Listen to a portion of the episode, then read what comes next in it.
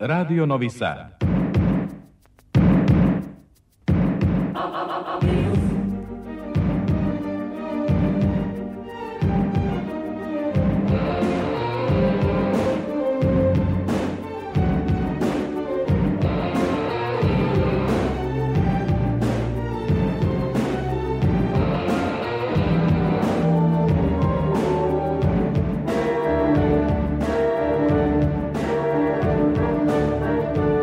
Spektar.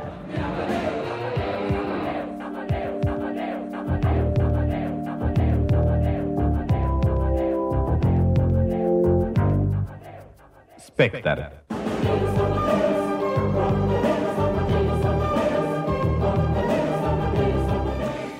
10 sati i 14 minuta. Dobro večer, dragi slušaoci. Spektar, magazin za kulturu Radio Novog Sada. Večeras je pre svega u Zrenjaninu gde traje 72. festival profesionalnih pozorišta Vojvodine.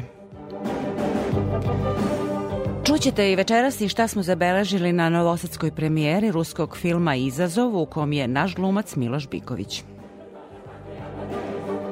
Predstavljamo novi tematski broj časopisa Polja posvećen Kormaku Makartiju, američkom pisu, dramaturgu i scenaristi. Gost Spektra je Andra Šurba, novi upravnik Novosadskog pozorišta. A Spektra slušate sati po, ja sam Aleksandra Rajić, muzika pa idemo u Zrenjanin.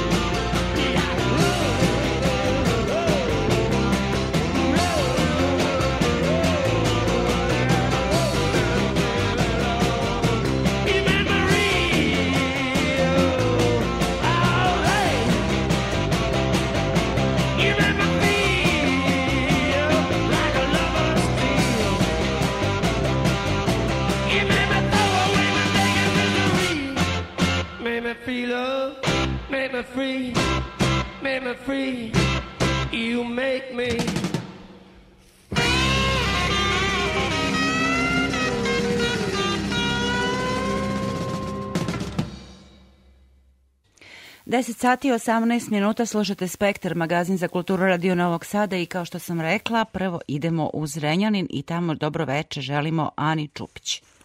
Dobro večer Sanja, vama i svim našim slušalcima iz Zrenjanina. Dakle, Ana, ajde najpre o nekoliko reči o utiscima sa 72. festivala e, profesionalnih pozorišta e, Vojvodine, odnosno utisci iz Zrenjanina. Dakle, ukratko. Dakle, festival je počeo pre četiri dana, odnosno utorak. Naravno, domaćin uh, ovog festivala, Zrenjaninsko pozorište Toša Jovanović, otvorilo je festival svojom predstavom Ludi kamen u režiji Radeta Milenkovića. To to će kasnije. Jer, O tom ćemo da slušati tokom emisije, jeste?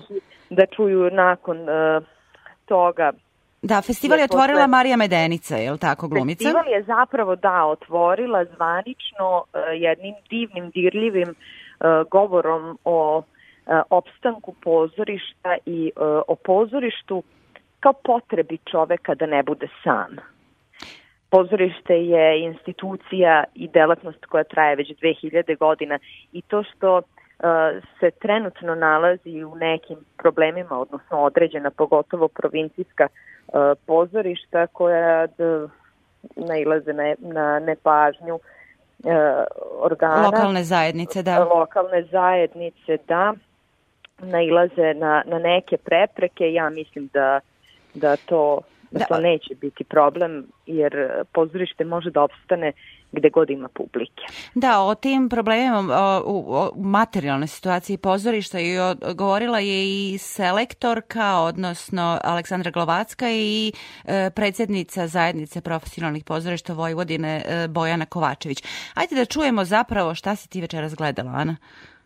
Ja samo moram da kažem da je današnji dan, odnosno četvrti dan festivala u pozorištu protekao divno u znaku dečjih predstava, odnosno, pardon, predstava za decu dečijeg pozorišta iz Subotice. Naime, prvo eh, je u 11 odigrana eh, predstava Guskar Matija, koja je namenjena mlađoj eh, publici, odnosno uzrastu od 4, 5, 6 godina, a kasnije na večernjoj sceni je odigrana druga dečija predstava Ne idi daleko, koja je namenjena deci starijoj od 12 godina.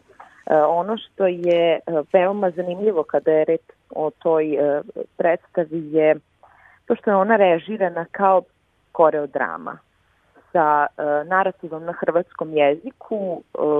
Reč je o ratu i neverovatno je uticala kako na odrasle koji su gledali večeras, tako i na decu.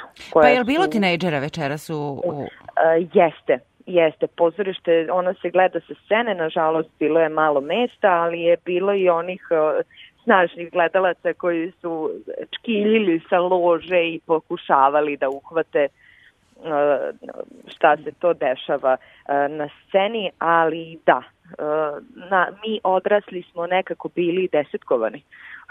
Mogu da kažem da je bilo bilo dosta tinejdžera i da su kako sam uspela da uhvatim njihove reakcije posle uh, predstave jako, jako lepo emotivno reagovali jer predstava zapravo i, i nosi neverovatnu emociju sa sobom. E, U žiriju ove godine, e, evo čitam Anđelka Nikolić, rediteljka Patrik Lazić i Svetislav Jovanov, e, dramaturg.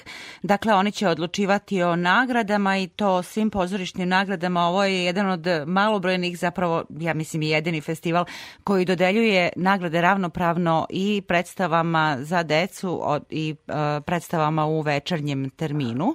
To su zapravo sve one pozorišne nagrade za glumu, za ostale e, elemente pozorišta, scenografiju, kostim i tako dalje, režiju naravno i tako. Tako je, da. E, Ovaj festival zaista neguje pozorište onako kako jeste. E, I umesto okruglih stolova, već drugu godinu za redom i konferencija za novinare posle predstave, već drugu godinu za redom e, festivalski podcast. Kako to izgleda?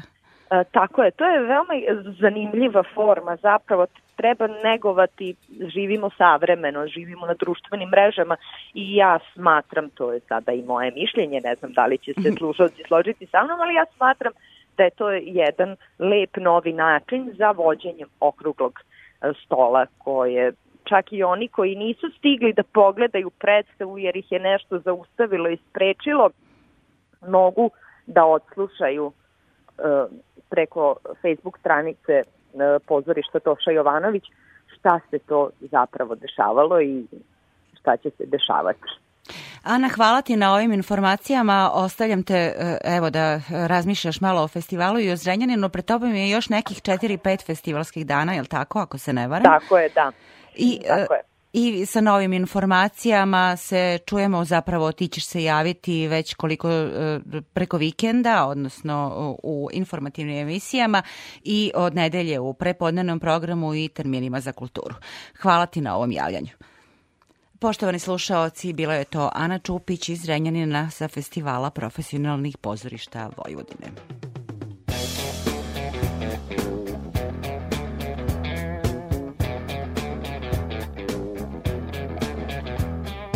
Sex and drugs and rock and roll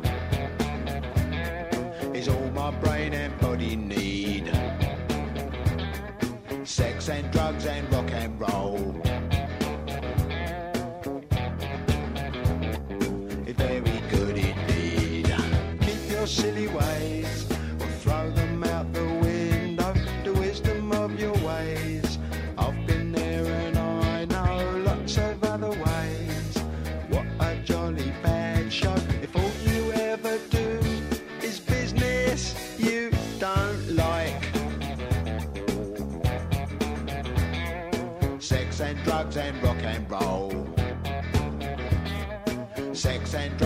rock and roll. Sex and drugs and rock and roll is very good indeed. Every bit of clothing ought to make you pretty. You can cut the clothing, grey is such a pity. I should wear the clothing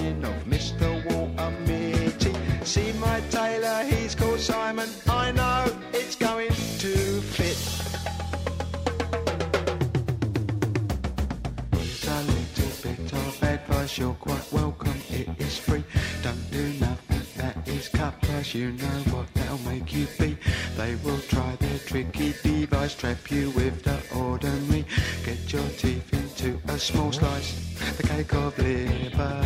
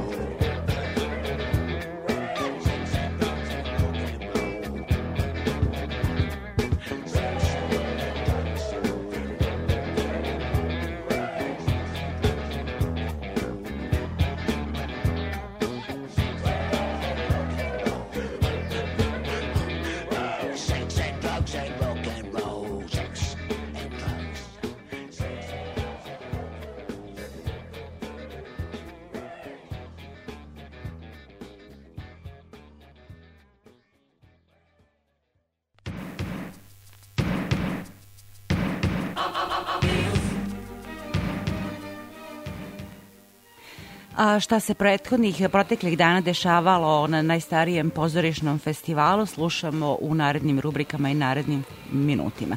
Festival je otvoren u utorak izložbom Trifković u fokusu savremene publike izbiračica u mediju slika.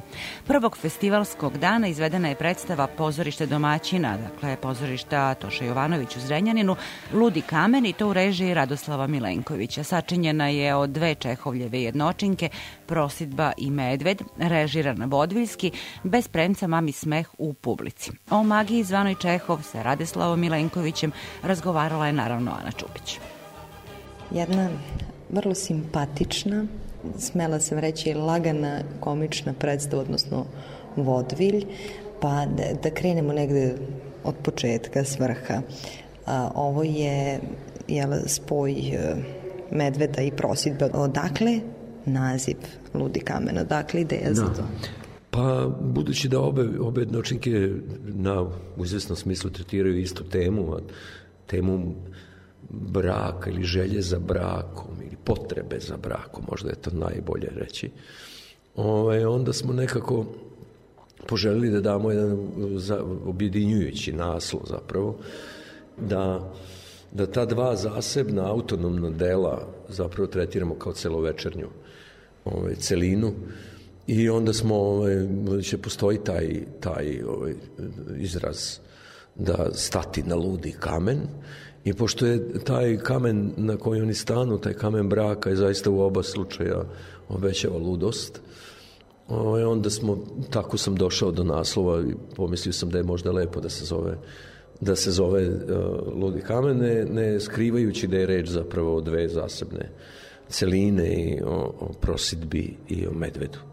Čehov je jedna magija, on ima ironiju samo njemu svojstvenu, koja mene podsjeća na nekako naš mentalitet, pogotovo kada su te dve jednočinke u pitanju. Pa nije ni čudo što ste i pre deceniju i po, kada ste režirali Višnjik, uspeli da zaljubite zrenjaninsku publiku u pa, Čehova. Da, mislim Čehov je to je to je jedno neistrpno blago koje mi imamo. I to je neću reći sve o, o, o ljudima, ali to je toliko istine, toliko toliko s jedne strane prezira prema svemu onom što je u ljudima slabo i kukavički i e, banalno i I s druge strane toliko ljubavi zapravo za, za našu grešnost, za našu nemoć, za, za istu tu slabost, za, za isti taj kukavičluk. Toliko razumevanja, to je mogao samo jedan lekar da, da ima, koji je toliko talentovan. Taj, taj, ta dubina uvida, ta dubina spoznaje saznanja o ljudskoj prirodi, mislim, ne, nema drugi takav pisac.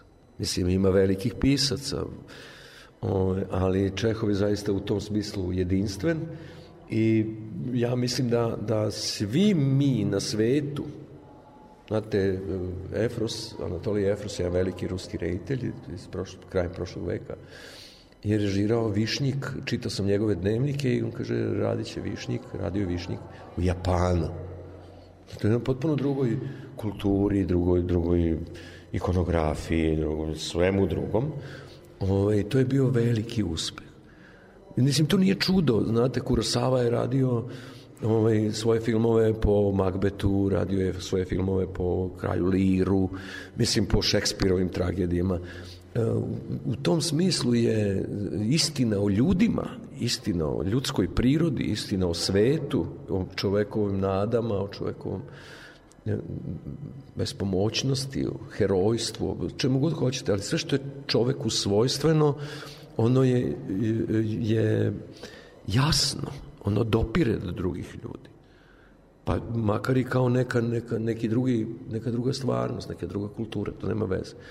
Tako da i ovo što mi u Čehovu prepoznajemo svoju vehementnost, svoju, svoju razdražljivost, svoju odsustvo strpljenja i svega ostalog. Mislim, i to je sve samo pitanje Čehovljeve genijalnosti kojom je on zapravo ovaj, rekao istinu o svim ljudima na svetu.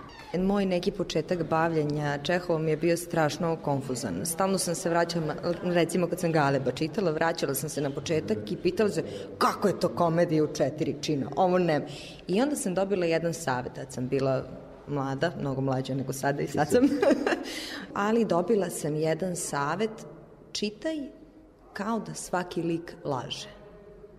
I onda je to otvorilo neku novu dimenziju. Onda je to zapravo šta znači kad se čovek hvali, pa on u, uglavnom malo, ne, ne, malo i laže. Komičnost u Čehovu ne počiva na tome da lažu.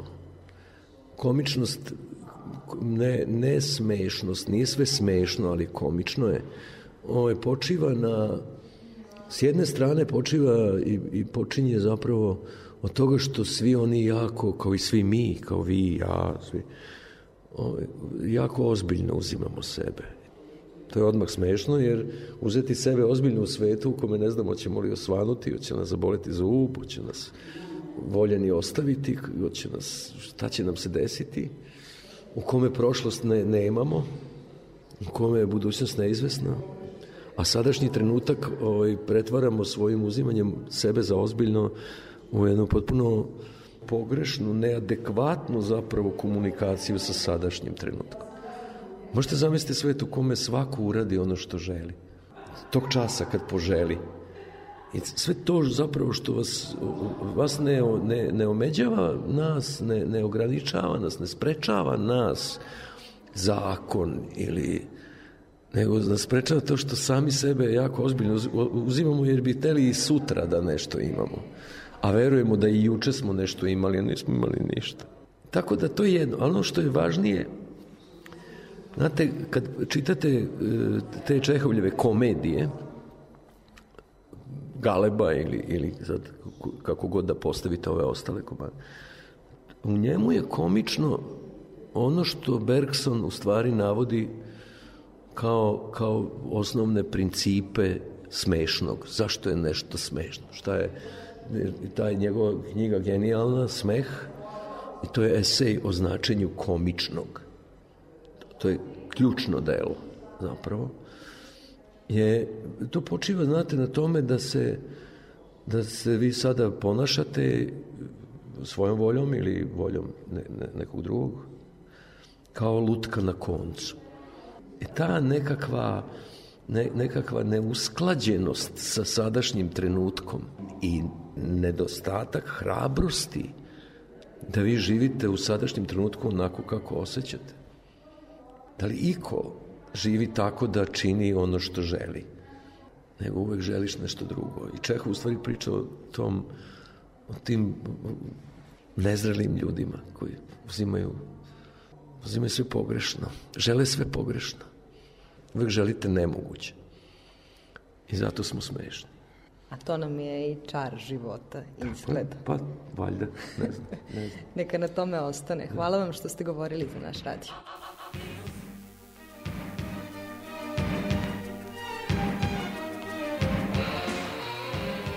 A drugog festivalskog dana u sklopu pratećeg programa studenti Akademije umetnosti u Novom Sadu odigrali su predstavu Tata stiže kući u režiji Maše Pavlović.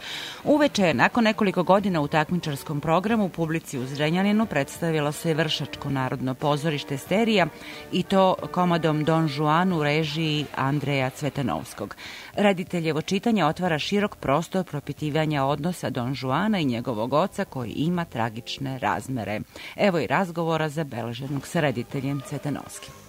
Za mene je ovo veoma interesantan i inventivan pristup eh, Molijerovom Don Juanu sa, sa neizmerno zanimljivim početkom, tom igrom svetla. Eh, mene je ta cijela koreografija podsjetila na neke senke e, i sve. Da li ste hteli time da pocrtate njegovu prošlost ili je, je li to samo moje pogrešno tumačenje?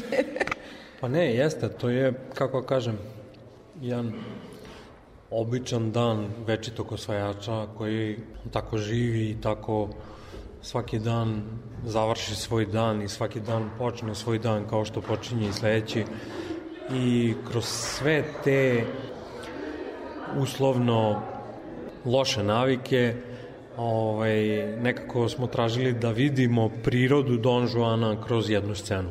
Tako da, mislim da je tačno čitanje. Da, drago, drago mi je, ovaj, sad se ostila malo pametnije. Ovaj, a mislim da je Molière pisac koji je napisao jedan od najlepših i najkompleksnijih odnosa, to je odnos između Don Juana i Zganarela.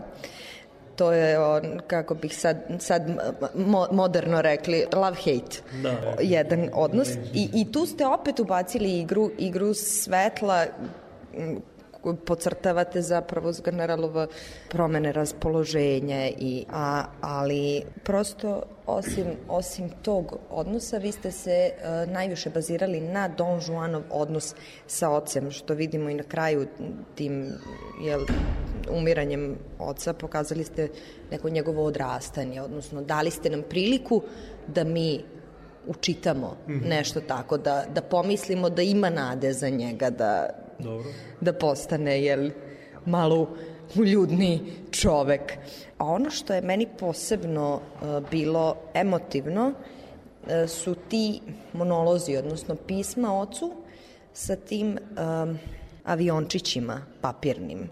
To predstavlja neko nesrećno detinstvo, zar ne? Pa jeste, nekako ovaj, uvek kad pričamo o Don Juanu, priča se o tom nekom mitu o večitom zavodniku. Za mene je bilo jako bitno da probamo da nađemo poreklo te prirode i u stvari ta pisma su a, kako kažem, ukomponovana, a, materijal je a, Kafkina pisma koje je pisao svom ocu i to je jedna knjiga koja se zove Pismo ocu, ali to su pisma koje je Kafka pisao svom ocu i nikad ih nije poslao.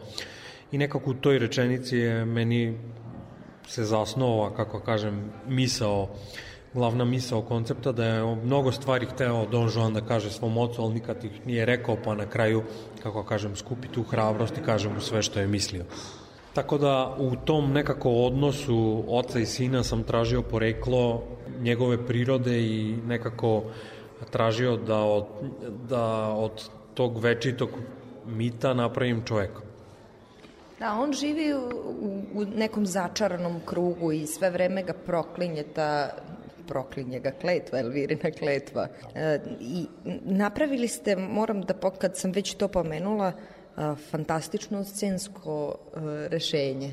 Kako vam je palo na pamet da, scenog, da scenografija bude toliko pokretna i primenjiva na razne načine? Scenski prostor je uvek jako bitna stvar zato što to ovaj, odredi prirodu predstave i uvek hoću da nađem rešenje koje koje ne samo vizuelno izgleda lepo, nego je i funkcionalno u tom smislu da pomaže da se radnja sve više i više pokreće i okreće i da to nam pomogne da što brže i lakše i, i efektnije promenimo prostor. Tako da, mislim, stvarno raditi sa scenografom je jedna od najbitnijih stvari za mene kao reditelja i imao sam sreću da, kako kažem, nađem tog scenografa koji mogu da, da brzo i lako a, se razumem. To je Sergej Svetozarev koji je radio i scenografiju za Don Juana i takav scenski suradnik je, mislim, autorski suradnik je jako bitan i jako pomaže za, za rad na predstavi, a takav je i a, kompozitor predstave Dimitar Andonovski, isto a, čovjek s kim radim već duže vremene. To, scenografija i muzika i sam pokret, odnosno mizanscen, za mene su najbitnije stvari u odnosu toga da se najefektnije ispriča neka priča, ne samo rečima, nego i ovaj, svim drugim elementima koji nude pozorište, koji nudi pozorište. Ono što mi je bilo posebno zanimljivo tokom pa, dva sata predstave je šetanje žanrova. Ako, ako smem da Jeste, jeste. primetim da ste išli i malo i groteske, ste uštipnuli i, i neke abstrakcije, sve, svega je tu bilo. Jeste, nekako sve više i više mislim da pozorište i ja bar volim takvo pozorište koje nije određeno žanrom, odnosno ima sve ono što ima jedan život u dva sata, odnosno to je neki kompresovani život u dva sata koji ovaj, ima i crno i belo, ima i tugu i smeh i satiru i nekako sve više i više kroz sve priče mogu da nađem i crno i belo i nekako kroz to da oživim još jedan život u svakoj sledećoj predstavi, tako da mislim da za mene najveća majstorija je kad možeš jako brzo od jednog žanra da promeniš u drugi i jedan od mojih omiljenih reditelja Aleksandar Morfov iz Bugarske koga jako poštujem i ovaj, sve njegove predstave jako uživam u tome što on može jako brzo i jako efektno u 3 sekundi scenu kad se tako smejao da odjednom postane sve jako tužno i emotivno i nekako uvek tragam u, taj, u te brze tranzicije iz jednog u drugog žanra.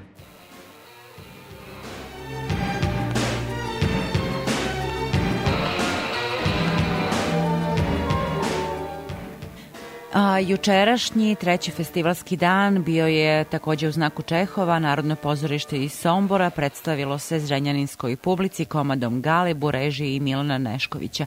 O procesu i značaju Čehovljeve Nine sa glumicom Anom Rudakijević razgovarala je naravno Ana Čupić. Nina je nekako lik i uloga koju, pa ja mislim svaka glumica od pre početka studija, pa tokom studija, pa i kasnije, sanja, voli, neguje i analizira. E pa sad moje pitanje je, ko je vama Nina kada ste prvi put analizirali i ko vam je Nina posle ovog galeba?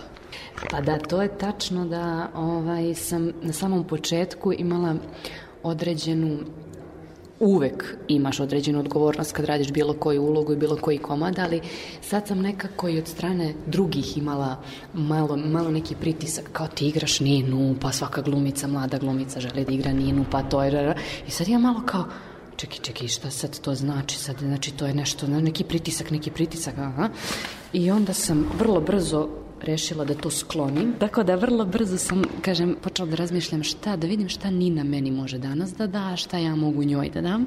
I jeste velika razlika kad prvi put čitaš Galeba i kad, kad sam čitala prvi put pre akademije i tokom akademije i nikad me iskreno ta uloga nije nešto posebno vukla. Više, više iz komada su me vukla i Maša i, i Arkadina i tako i nekako mi Nina nikad nije bila nešto u prvom planu i kao op, dobila sam Ninu da radim. I kao, aha, ima to svoje sigurno zašto i ajde da vidimo zašto. Tako da ja mislim da sam tokom procesa onako pokušala da sebi odgovorim na neka pitanja i da, da, da, da pronađem zašto. Zašto, gde smo se to složile nas dve, gde ja pomažem njoj, gde ona pomaže meni. Ovo je po meni jedno veoma inventivno tumačenje Nine koje mi se do sada možda i najviše dopada. Zašto? Zato što se vaša Nina suprotstavi za, kada je reč o poslednjem monologu, o poslednjoj sceni koja zaokružuje ceo taj odnos jer Nina i Trepljeva i Trigorina i cele te njene veze sa tom celom ajde da kažemo širom porodicom, jer svi su oni tu na neki način porodica. Taj monolog je fantastično štrihovan za početak. I poenta tog monologa jeste da je ona taj galeb kog je, koji je ubijen na početku komada. Na samom kraju ovaj, zapravo smo krenuli da se bavimo uh, četvrtim činom i tim monologom, kao nekako kao da smo ga izbegavali dok ovo pre ne sažvaćemo, ne vidimo šta tu sve, šta tu sve ovaj, treba da se odigra i šta tu sve postoji. I tako da je taj četvrti čin i taj poslednji monolog došao nekako kao posledica celog rada i, i, i cele predstave. I e, Milan od starta nije tražio da da se igra neko ludilo, da je ona poremećena, da je ona ne, ne, zato, su, zato je i tako i prirodno nastao taj štrih kako je nastao, svi su izbačeni ti delovi koji, koji su mogli da asociraju da ona kako kaže, možda je malo poremećena. Ne, ne, ne, apsolutno nije poremećena, nego to je taj, to je taj galeb koga su oni uništili osakatili život, kako li već, ali nekako to mi je drago i, on, nekako, volim što se ona što je na kraju uh, uspela da se da pronađe svetlo u svom životu i da nekako to poslednje kad kaže ja verujem i stvarno, stvarno mislim da je to tako i stvarno ja tu negde volim to tako da kažem Zanimljiva mi je jedna stvar, pošto sam drugi put na ovom festivalu -hmm. pogledala uh, Galeba. Gledala sam na premijeri gde ste vi imali polomljenu ruku, da. ali ste to sada zadržali kao okolnost kroz ceo taj njen prvi deo dok ona živi u tom selu. Da. Jel? Pa da, pitali smo se kao da li da, da li da sad skidamo gips ili kao ne. Mislim, ništa mi tu posebno nismo preterano igrali na to, osim trenutka kad ja dođem i kažem da sam pala i to je to. I postoji taj gips. Onda je Milan, reditelj, bio za to, pa ajde, kad je već to tako nastalo u procesu i to se desilo, ajde da mi zadržimo tu okolnost, tako da smo zadržali, samo nemamo u poslednjem, u poslednjem činu, a prva tri imam. I tako mi daje nešto to. Da, pa sad sam htjela da kažem da taj gips daje neku čar. Zapravo po meni je to sada kad sam drugi put gledala odrednica vremena. Pa možda, Mo- da. može- I meni je da zanimljivo. I bude, meni je da. ponovo da se vratim u taj trenutak i taj, to, zato što je to baš taj gips koji sam skinula, tako da sačuvali smo. Da, znači, gips ima sentimentalnu Ima. vrednost. Čim provučem ruku, ja se odmah vratim u taj trenutak i tako nekako emotivno i, i, i fizičko pamćenje. Telesno. Hvala vam najlepše što ste govorili za naš Nema radio. na čemu.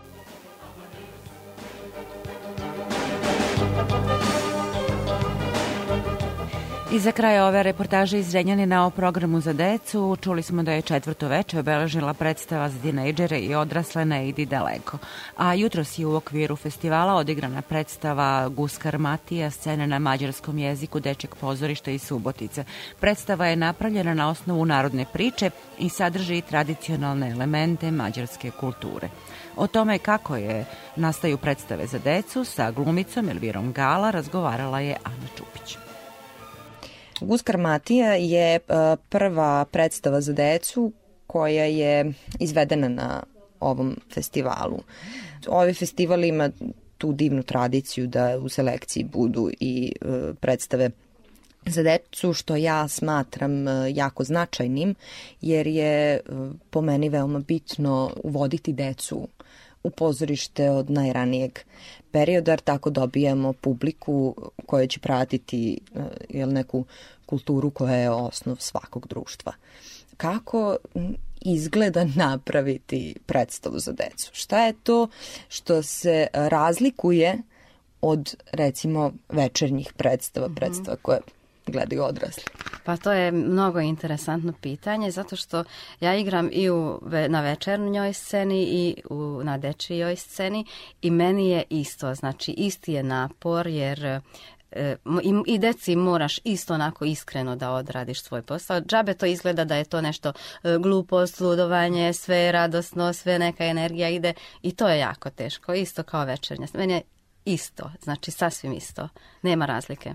Možda, možda su deca iskrenija od odraslih, znači decu ne možeš da zavaraš, oni će reći ne sviđa mi se, izaći će, Da, možda je to razlika. Da, pa ja, ja, ja smatram da ovaj, su deca najzahtevnija publika. Jer, Pa zahtevni su i odrasli, jer oni posle neće se vratiti u pozorište, a deca će se vratiti, ali tog momenta kad se ne sviđa detetu, on će posle minut izaći i reći će ne sviđa mi se. I ti na sceni čuješ to i znači nešto se pokvarilo, nešto ne radiš dobro. A, ali evo, recimo kada je baš ova predstava u pitanju, mene zanima pošto mislim ja već jako dugo godina ne pratim predstave za decu, jako mi je krivo, evo vratit ću se, obećavam, pošto sam danas shvatila da me prosto ispunjavaju neverovatnom, divnom energijom, pogotovo kada vidim decu uh, u publici koja su tako radosna i zalepljena i uh, možda imaju i više koncentracije nego, nego neki uh, odrasli koji, koji dolaze u pozorište. Mene zanima kako se pravi koncept za dečiju predstavu. Aha, pa to sve zavisi od reditelja. Da. I ako imamo sreću, onda uspevamo. I sad ovde u ovoj predstavi imamo sreću da smo imali dobrog reditelja, dobrog koreografa i jako dobru muziku. I onda kad se to sklopi, onda već, je, već smo pobedili. Znači, to je, to više ljudi treba da rade na ovome, a glumac samo treba da uradi što se traži od njega i da, da napuni to nekom svojom radošću i energijom. I to čim uđeš na scenu i kad osjetiš tu publiku, decu naročito, kad dišu sa tobom, kad, kad komentarišu, wow, šta će, pazi, go, onda si pobedio, znači idemo dalje i to je to. Ali da, da, ako me to pitate, da li ima neki recept za dobru dečju predstavu, nema, ne znam, pojma nemam. Da bi znala i ja bi pravila, ja bi bila reditelj, nema.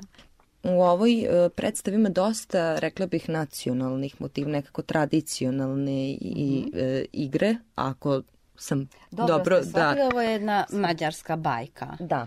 I onda zbog toga što je baš prava mađarska bajka, sve je znači i koreografija je mađarska, nacionalna. Pa kostimi ne prate to, ali trude se da na neki način i iskarikiraju taj svet koju želi ova bajka da očaraju, da nam pokaže. Da, kostimi to pa dobro da, da. prate da. u nekom savremenom možda pa e, da, ruhu malo. Da. Da, veoma mi je drago da smo razgovarale i hvala vam što ste govorili za naš radio.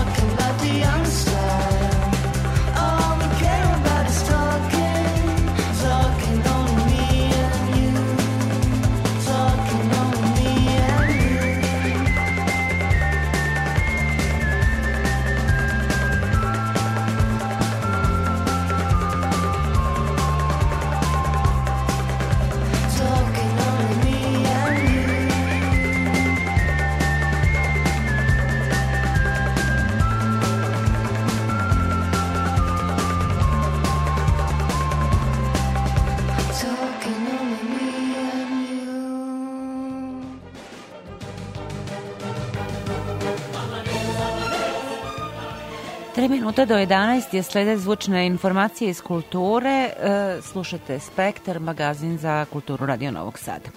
U Šabačkom pozorištu u ponedeljak počinje sedmo pozorišno proleće koje će trajati do 29. aprila. Selektor ovogodišnjeg festivala Miroslav Radonjić odabrao je za takmičarsku selekciju pet predstava, dok će u čast nagrađenih E, domaćin premjerno izvesti mračnu komediju u režiji novosadskog reditelja Petra Jovanovića. Sa direktorom Šabačkog pozorišta Vladimirom Vasilićem razgovarala je Ivana Maletin-Ćorilić proleće, naše pozorišno proleće, kad mu jeste vreme, vreme sedmo po redu. A, mislim da je ovogodišnja selekcija, kao i svih, ali moram da kažem kao i svih prethodnih šest godina, zaista na jednom pravom, visoko profesionalnom nivou i to publika a, u Šapcu i prepozna i pozdravi, jer na, mi smo nakon dva dana, nakon puštanja karata u prodaju, prodali gotovo sve karte. I evo, festival počinje, a karata mislim da je možda ostala još po koja za neku predstavu, ali a, to je lep podatak da su nama pozorišne sale pune, kako za večernje, tako i na, za, za predstave za decu. A, upravo radimo na jednoj novoj predstavi i čija će premijera u pitanju mračna komedija, tekst Pitera Šefera u režiji Petra Jovanovića, reditelja iz Novog Sada i premijera je planirana zapravo za zatvaranje festivala poslednje veče kada bude bila proglašenje pobednika i zapravo dodela nagrada, tada će biti u čast nagrađenih odigrana naša premijera mračna komedija. Takođe, ove godine gostovaće Srpsko narodno pozorište, odnosno koprodukcija sa dramskim kazalištem Gavela i Narodnim pozorištem u Sarajevu, što na podu spavaš. Da li biste istakli još neke od naslova? Srpsko narodno pozorište je naš prijatelj, kako da mi zaista doživljavamo SNP kao prijatelje i ovo nije, naravno, ovo ne da nije prvi put, nego ja već ne bih ni znao koji put na našem festivalu i ne samo na festivalu. Trudimo se da kad god se ukaže prilika se razmenimo sa predstavama, to je neka dobra praksa. Jeste nas onaj period koji ne želim da pominjem malo zaustavio u svemu, tako je, ali kako da vam kažem, trudimo se da se polako vraćamo u te prijateljske odnose i razmenu, pogotovo sa Vojvodinom. Šabačko pozorište je uvek imalo divnu saradnju, sem Srpskog narodnog pozorišta i ove troprodukcije, rekao bih, i predstave koju ste pomenuli, selekcija ovogodišnjeg festivala, inače selektor je dr. Miroslav Miki Radonjić, direktor Sterinog pozorja, takođe prijatelj naše kuće. Tu su predstave Ateljeja 212, Roller Coaster, a, tu je predstava Galeb Narodnog pozorišta iz Sombora, a, tu je predstava Bilo jednom na Brijunima, jedna nova, rekao bih, hit predstava. A, o, to je u produkciji a, Joca Art, Centar za kulturu Svilajnac i Bitev teatar Beograd. I poslednje, to takmičarsko veče, je, dolazi nam Narodno pozorište iz Beograda, opet nije samo, samo oni, već su tu i fondacija Novi Sad, Evropska predstavnica kulture i Sterino pozore Novi Sad, predstava Uspavanka za Aleksiju Rajčić i tom predstavom se zatvara taj, da kažemo, takmičarski deo festivala i onda nam ostaje poslednje veče 29. e, kao što sam rekao, naša premijera, kada će biti e, predstava koja će biti u čast nagrađenih mračna komedija i tada će biti pred početak sam će biti proglašenje, to je dodela nagrada koju će žiri, imamo, vrlo lepo, mislim, pomenuo i ko je žiri. Imali smo i jedno, da kažem, nepisano pravilo da nam članovi žirija budu često a, ljudi iz okruženja, iz a, naših zemalja u okruženju. I dalje se trudimo da bar neko bude, ovaj, tako je slučaj i ove godine. A, u žiriju će biti, u tom glavnom žiriju će biti Danica Maksimović, naša glumica, i opet jedna velika prijateljica Šabačkog pozorišta. Biće gospodin Božidar Bobo Đurović, reditelj i biće Robert Ristov, glumac iz Skoplja. To je ta priča kad kažem, lepo je da nam neko iz okruženja dođe sa strane. Mislim da da su to ljudi koji, koji pre svega vole svoj posao i uživa, uživaju u pozorištu, tako da, kako da vam kažem, ovo će biti jedan pozorišni praznik, proleće, pozorišno u proleće, Imamo i novinarski žiri koji takođe ima jedan ozbiljan zadatak, a oni donose odluku ko će dobiti nagradu zalog za budućnost koja se dodeljuje mladom glumcu i tu uvek se trudimo da iz raznih redakcija pozovemo, uglavnom su to dame i one se uvek rado odazovu. Ove godine su to Gordana Manjenčić, Borka Trebješanin Golubović i Olivera Milošević. Onako jedna divna ekipa. Imaćemo Natašu Gvozdenović koja će raditi neke video kratke zapise sa glumcima i, i autorima predstava koje ćemo objavljivati na našim mrežama dan za danom kako se predstave budu odigravale na našoj sceni. Pozorišno proleće, iako relativno mlad festival, izrastao je u ozbiljnu pozorišnu smotru koja je prepoznata ne samo u zemlji nego i u regionu. Da li je ono dovelo i do ponovnog buđenja šabačkog pozorišnog života? Hvala vam na tom zapažanju, zato što i dobijamo zaista takve utiske. Moj utisak je da pozorišno proleće, evo ga, sedmo je po redu, tu jednu godinu smo nažalost imali pauzu, ali prvo održati festival toliko godina nije ni malo lako, ali mislim da u Šapcu kao gradu kulture to nije ni bilo previše teško. Naravno, uspostaviti sam koncept festivala i pravac njegov, mislim da su izuzetno dobri i mi smo zadržali sve to što jeste bila ideja ovog festivala. Tako da sm, sad, da li je samo i poboljšao Šabačko pozorište posle toliko divnih uspeha svoje vremeno i tako dalje, jeste ostalo na jednoj mapi pozorišnog života, ne samo u, u, kada da te nekom izgovorite Šabačko pozorište, a, pa da, znamo o vama mnogo, to jeste. Decenijama je Šabačko pozorište bilo na kažem, vrhu pozorišta, van Beograda, jer i malo mi je žao kada se delimo van Beograda, jer svi smo mi jel, pozorišta u našoj zemlji, ali jeste, ovaj, nekako se napravi, nažalost, ta paralela Beograd i, i ostatak Srbije, ali se trudimo da, da, da i dalje nekako, da, pomogne i festival, nama publika, meni je mnogo važan podatak da sem festivala i, i, i naših domaćih predstava, mi punimo sada sale i publika rado dolazi i ono što je još veće zadovoljstvo, viđamo nova lica u pozorištu. I to nam i jeste i naš zadatak da sem predstava i programa za večernju scenu i imamo i taj program za, za decu i to da zastupimo sve uzraste i to i jesmo uradili unazad dve godine. Imamo trenutno, čini mi se, šest predstava na repertoaru gde je, evo recimo podatak i prva lutkarska predstava je urađena u Šabačkom pozorištu da možemo i najmlađe da dovedemo jer mislim da je to važno kako za njihovo odrastanje, vaspitanje i sticanja tih tih uh, navika, da, to je naša buduća publika.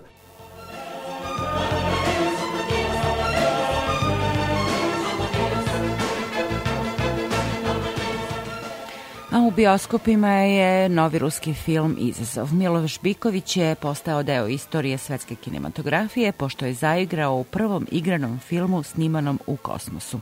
Nakon premijere u Moskvi rusku dramu Izazov svečano je ove sedmice predstavio srpskoj publici. Za potrebe snimanja reditelj Klim Šipenko boravio je 12 dana na Međunarodnoj svemirskoj stanici 400 km iznad zemlje gde su nastali i glavni kadrovi. Šipenko je režirao i slugu, najgledaniju komediju svih vremena u Rusiji sa Bikovićem u glavnoj ulozi, a čiji nastavak priprema. Film Izazov govori o odlasku lekarke na Međunarodnu svemirsku stanicu radi izvođenja kompleksne operacije u bestežinskom stanju na astronautu čiji je život ugrožen. Emotivnu i profesionalnu podršku pružao je kolega Hirur, koga tumači Biković, a sa njim je razgovarala Ivana Maletin-Ćorilić. Pa morate da budete fokusirani. Da. Ja u tom trenutku nisam to doživljavao kao komplikovan zadatak. Tek kasnije kada sam analizirao i kada su me pitali kao pa šta je to bilo komplikovano, onda sam shvatio poput čekaj, stvari ovde je trebalo pet nekih procesa. Ali to nije ni, ni delić onoga što su oni uradili, njih dvoje koji su otišli gore, jer zato što vi kada se nalazite gore, recimo, on je radio, obavljao zadatak cele filmske ekipe i kamera, i prebacivanje materijala, i montaža, i rasveta, i snimanje zvuka, i uh, rad sa glumcima i režija, a ona je radila i kostim i asistirala njemu i šminka, na primjer, a svaki zadatak je tamo drugačiji. Vi ne možete da operete kosu tamo, a treba da izgledate 12 dana su oni bili tamo i snimali.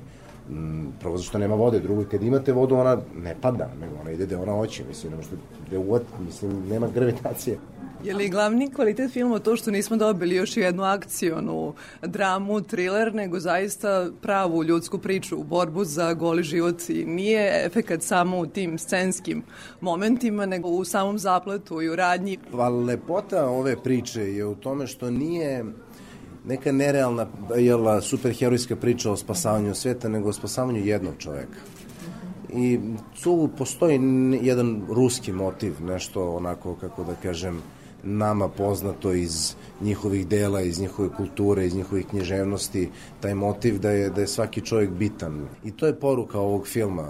Mislim, pogotovo danas kada se ljudski život ne ceni mnogo, ali je to ovaj, ovaj film šalje jednu poruku ljubavi i mislim da je to ono što je što je važno za, za, za ovaj film i što ima toplinu. Ne, ne oslanja se na efekte i na činjenicu da je sniman u kosmosu, nego ipak je to drama i topla ljudska priča. Jeste, ovo je stvarno centralni trenutak u filmskoj industriji u ovom periodu, ne znam, u ovom veku i u istoriji, mislim, eto, ovo je, možda će sledeći film da se snima za 5, 10, 15, 20 godina kad Amerikanci reše sada da oni urade sledeći neki korak, možda će sledeći da bude na mesecu, ali svakako je ovo pionirski poduhvat i meni je stvarno čast što sam imao priliku, pre svega da kažem da poznajem ljude koji su, su to uradili, a, a posle toga da, kad su me zvali da budem i deo toga.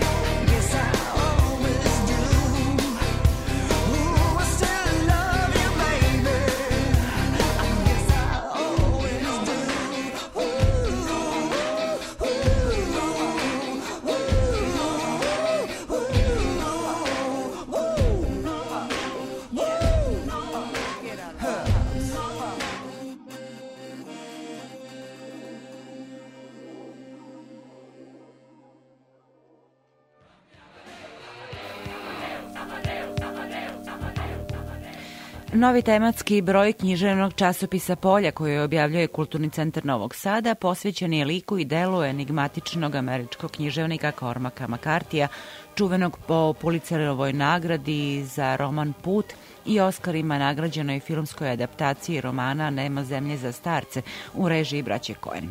Tematski broj pripremio je prevodilac i književni kritičar Igor Cvijanović. Sa njim je razgovarala Isidora Bobić.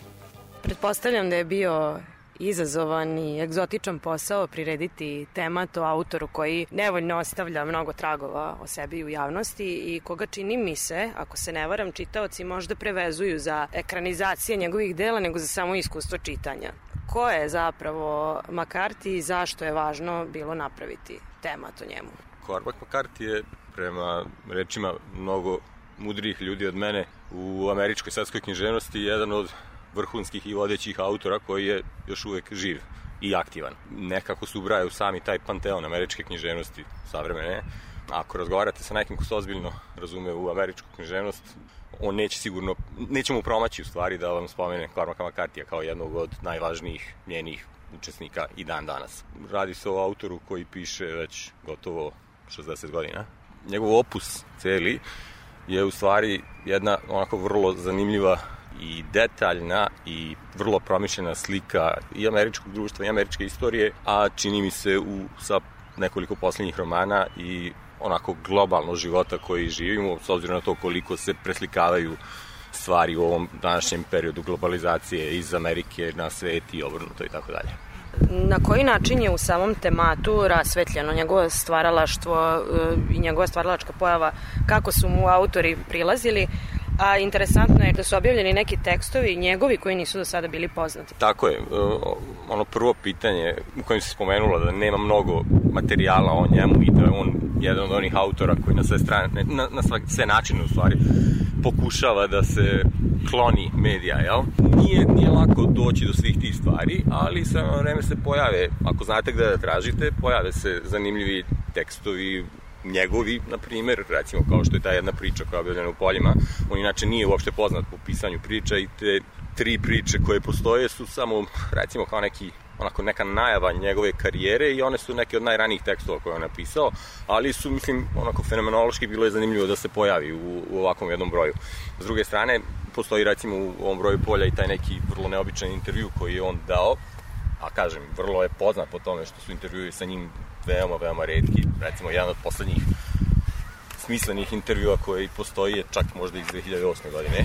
Taj konkretan uh, intervju je nekim putem preko njegovog prijatelja sa uh, instituta u Santa Feu došao do javnosti, pretpostavljam uz njegov blagoslov, ali nekako bilo je zanimljivo da imamo i taj vid komunikacije predočen tu, jer on se doživljava kao jedan od onih, sad ja ne volim tu frazu, ali mračnih autora, jel, a ovde ga imate u razgovoru sa, tako reći, mislim da su srednjoškolci u pitanju i onako, zanimljivo je da vidite i tu stranu nekoga te veličine i, i takve provenijencije, a da govori sa, sa, sa decom. Poznat po svom cinizmu pre svega i po, ajde, nekoj možda nihilističkoj Da, ja, bi, ja bih pre rekao, da, ja bih pre rekao to i, i pre bih rekao nekoj uh, dosta realnoj, nažalost, ali u neku ruku jeste mračnoj slici čovečanstva uopšte. Nema tu osude u njegovim delima te strane čovekove prirode, nego prosto on, on nam je predočava, jer vrlo često u svetu u kojem danas živimo, ona se sklanja po strani, da se ne vidi, ali zapravo nemoguće je da shvatite život Kao neka deidealizacija. Recimo, recimo, to je baš dobar termin, ja bih rekao, kad Ne se da radi o njemu. Nije ni bitno, da, da.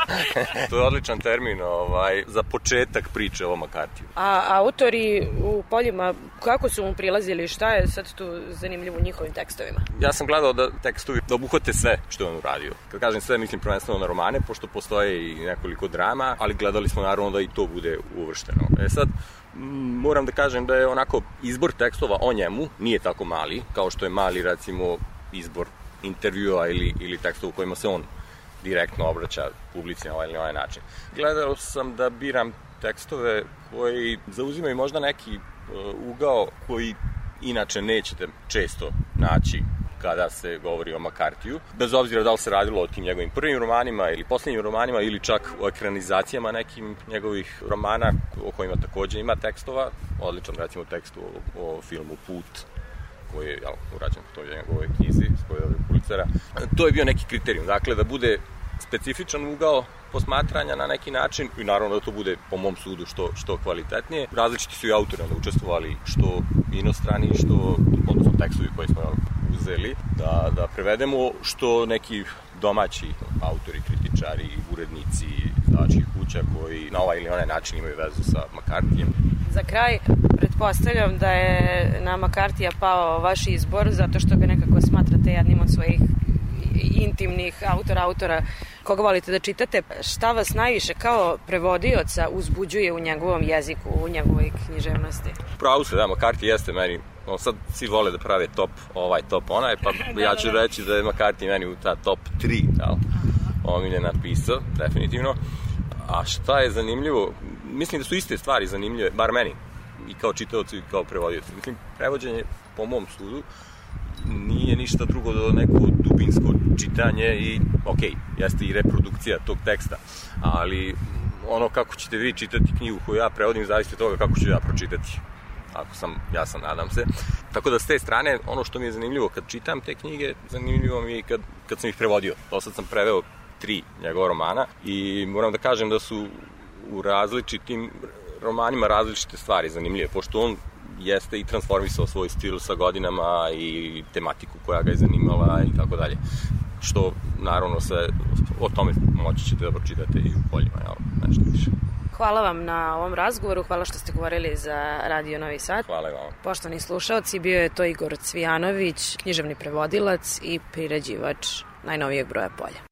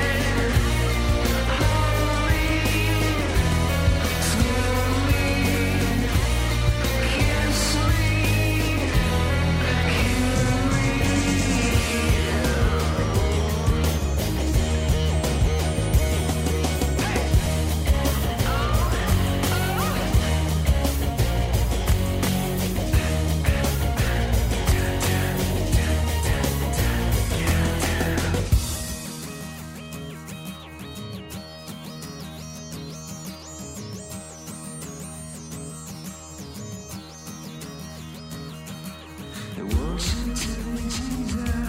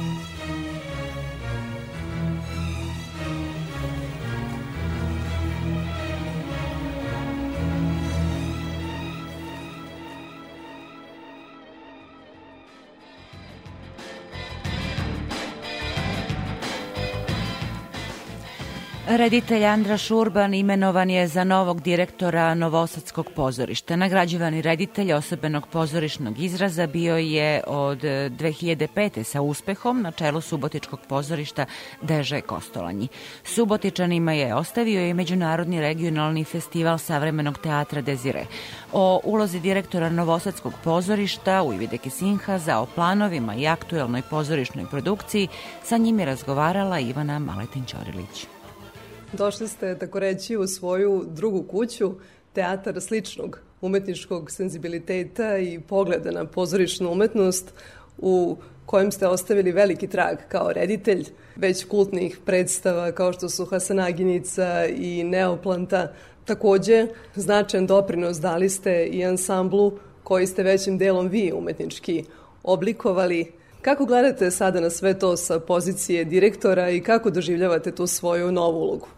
Pa meni je to sad novost u odnosu na pozorište Kostolanje Deže, to i zato sam i nekako krenuo u sve to da tražio sam i nove izazove i, i, i nekako, no, ipak ima velike razlike između Ars Poetike dva pozorišta. E, činjenica da ja jesam radio u ovom pozorištu, mislim da sam četiri predstave prerežirao i danas mi se igraju predstave e, ovde, znači znamo se sa ansamblom, ali je Novi Sad je potpuno druga sredina od, od, od, e, Subotice i položaj pozorišta je e, potpuno e, drugačije i publika je, je već maltene totalno drugo što se sastava tiče i tako dalje. E, jednostavno meni je to sad veliki izazovi i, i, i, i novitet i želim da vodimo ovo pozorište u pravcu da stvaramo i dalje jedan savremeni e, teatar koji prvenstveno je teatar jednog ozbiljnog grada Novog Sada, naravno ovo je pozorište koji deluje na mađarskom jeziku, e, ali takođe ima i jel, divnu stvar da e, publika koja ne razume mađarski jezik dolazi redovno i prati predstave preko titlova i tako dalje. To ćemo svakako još pokušavati da, da usavršavamo. Znači, otvoreni smo i dalje za, za svu vrstu publike, za svakoga koji želi da gleda dobro pozorište. Mislim, Novosadsko pozorište e, nije da se sad stvara, jel? To je pozorište sa jednom ozbiljnom tradicijom, jel od 70. godina o, ovo pozorište je bio primećen uvek još i u ono jugoslovensko doba, e, prisustovao u celom regionu, to se nastavilo i sada u ovim vremenima i, i, i Novosadsko pozorište nije bez razloga ne, da, da se smatra jednim od značajnih pozorišta u celom regionu, ima svoj brend. Sećam se kada smo poslednji put razgovarali krajem 2021. godine u pozorištu Deže Kostolanji u Subotici, da ste izrazili zabrinutost zbog finansijske nestabilnosti i neizvesnosti u kom obimu će se održati Dezire festival i da li ćete moći finansijski da iznesete planirane pozorišne projekte. Jesu li to neki od glavnih razloga zašto ste napustili Suboticu i prešli na Novosadsko pozorište i kako vas je ovde stanje zateklo? A nije to razlog, ja dalje ću raditi Dezire festival u Subotici, u stvari sarađivaću na, na tome. Par godina sam se osjećao da mi je tesan grad Subotica nekako i možda problemi koji su bili u, u Kostolanju već, već su mi dojadili na neki način da, da nije predstavljao e, zanimljiv izazov ili kako već da se izrazim. E, a i bilo je i, i, i situacija takva da u jednom trenutku i predloženo Mislim, pojavila se ideja da ja tu dođem u, Novi Sad, pa, pa e, se došlo tako do toga s tim da i ovde nailazim na vrlo slične probleme, ali ja pretpostavljam da ne postoji pozorište u Srbiji ili, ili čak ni u regionu koji nema tu vrstu problema.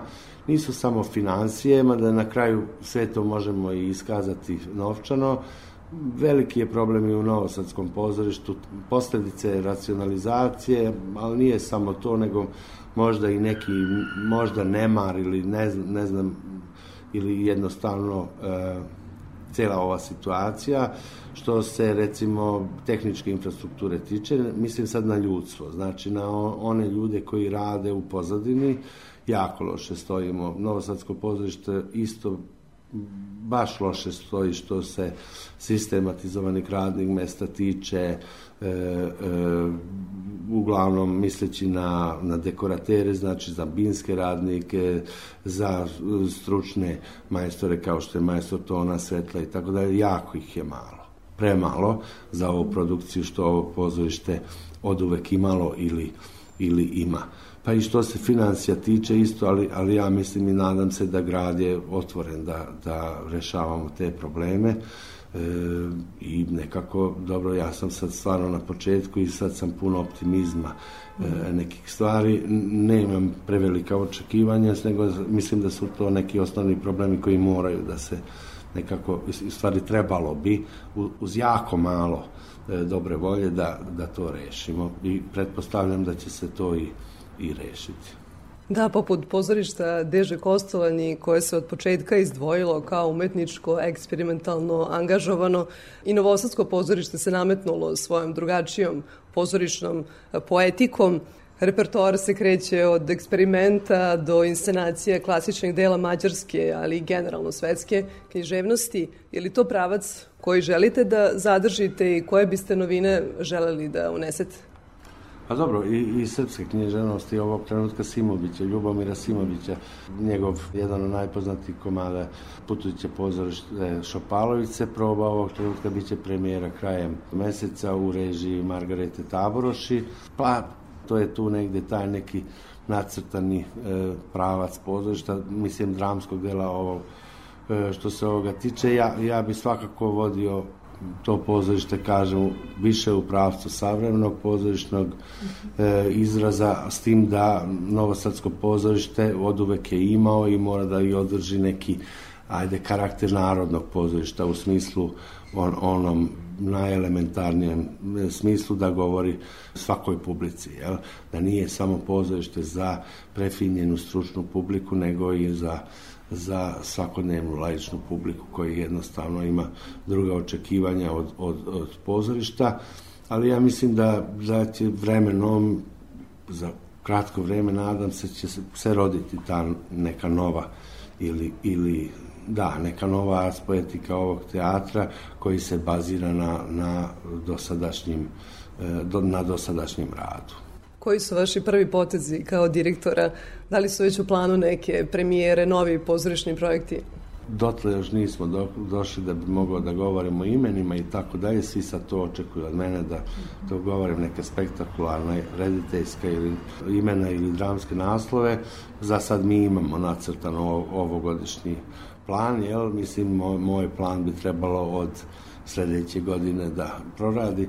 E, to ćemo videti, hajde, tu negde e, junu, julu će, ćemo doneti jel, za, za plan za, za sledeću godinu, a najverovatnije bit će promena veći što se e, e, ove godine, znači od septembra će tu negde biti već e, program koji, eto, da sam se ja već umešao u to. Da li umetnički rukovodilac Robert Leonard ostaje na toj poziciji? Mm, Dobro, to ćemo morati utačniti kako se zove tačno njegovo radno mesto. On je koordinator umetničkih, znači Robert Lenard je e, neka vrsta producenta u, u pozorištu, organizator, ali naravno ostaje ja, jako puno računa na njegov rad koji je vrlo dragocen i tako dalje.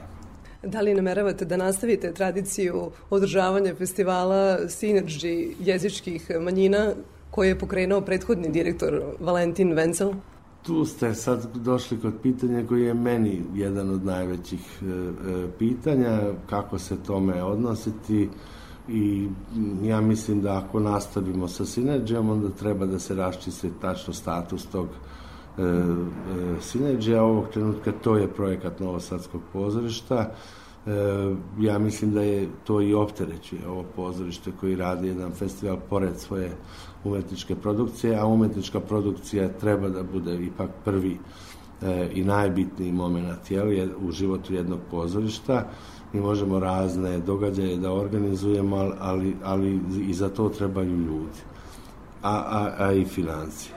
U ovog trenutka to je jedan segment u našem planu i eto vrlo puno razmišljamo u posljednje vreme ili konsultujemo oko toga e, šta ili u kom obliku da se nastavi sinerđi. Ja ne bih volio da budem taj koji prekine e, jedan festival, ali, ali s druge strane ne, niti, niti želim da to bude teret na grbači pozorišta. Mnogi glumci, uključujući i članove ansambla Novosadskog pozorišta sa velikim respektom govore o vašoj čuvenoj školi glume, specifičnom pristupu i odnosu koji negujete e, prema pozorištu.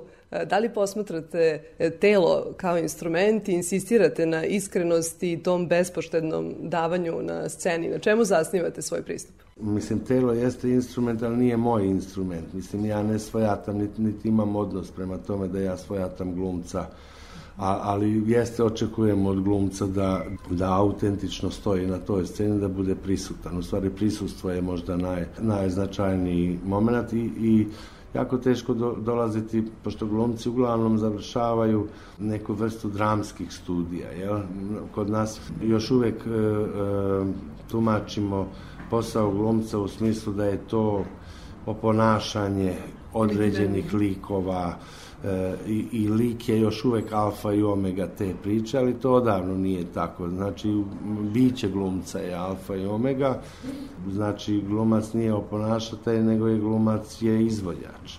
Od toga ja mislim da ja, ja krećem što se e, toga tiče i, i trebaju mi ljudi koji su to voljni i žele da da, da shvate. Jer vrlo često nailazimo na pozorište ili na pozorišta, na predstave gde vi u stvari nekako gledate kako neki ljudi oponašaju pozorište samo. Da čak, ni, čak nemate utisak da gledamo pravo pozorište, nego kao da se igra pozorište. Mislim, a, a, a gde smo još onda od, od života ili od, od, od, od samih e, e, tema. I, I to je jako težak, mislim, prilično težak proces. Postoje glumci s kojima, kojima to nije nikakav problem, a postoje glumci koji, koji jednostavno to i niti mogu, niti žele. Ali s druge strane, koliko god mi filozofiramo, nekako, evo, znamo tačno šta je to dobra gluma ili dobro glumačko prisustvo na sceni, bez toga da to sad čak i da pokušavamo eksaktno da, da, da, da odredimo. Ili dajete slobodu glumcima da učestvuju u kreiranju predstave? Mnogi pominju te duge razgovore kao ključan, esencijalan element e, vaše režije. A dobro, i to postoji, ponekad više, ponekad manje. Dugi razgovori, ja mislim da su to dugi samo u smislu da dugo traju. Ne, ne, ne jedan ne razgovor, nego recimo da traju dve, tri sedmice. Sad, to ja i doživljam kao vrstu proba. Nekima je to opet teško, nekima je e, e, lakše, ali dobro, to je neko psihičko otvaranje određenih e, e, tema, i upoznavanje i, i nekako dolaženje do, i, i do rešenja. Ali, ali redko je to sad samo razgovor, nego uglavnom oni imaju određene zadatke koji e, kada prihvate da rade na taj način, koji oni kao domaće zadatke, koji oni pripremaju kući pa izvode onda pred ansamblom i, predamnom pa pričamo o tome ili ne pričamo, to je sad već, već druga stvar, ali pa da, ja mislim da je taj razgovor bitan.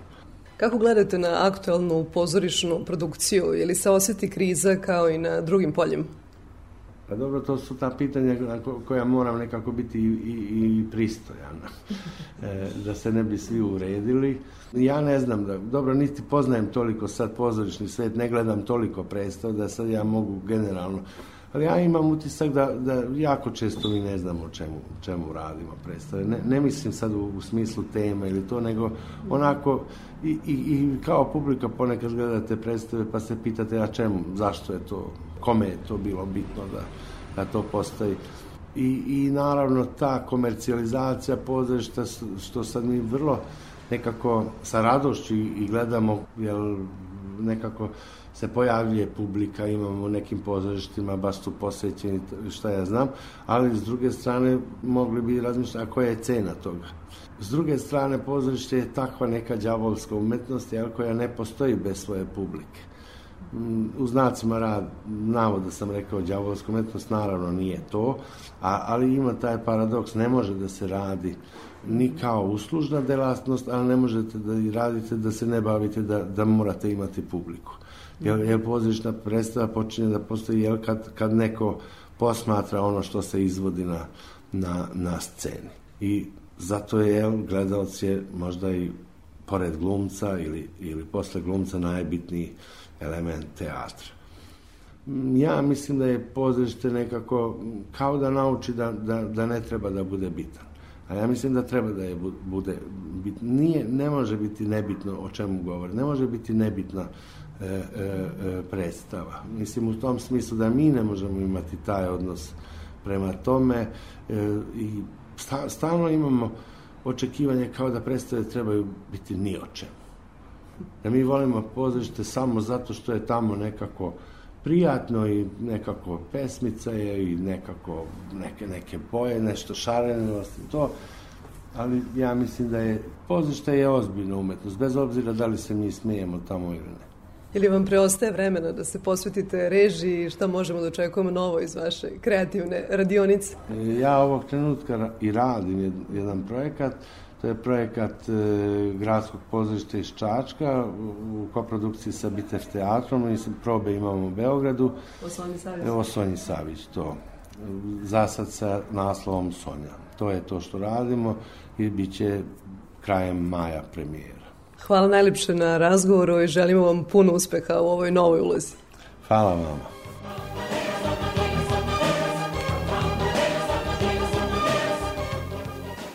Slušali ste razgovor sa raditeljem Andrašom Urbanom. 20 minuta je do ponoći i stavljamo ovde tačku na večerašnji spektar. Realizovali su ga Zoran Gajinov, Zoltan Feher i Ivan Živković. Ja sam Aleksandra Rajić.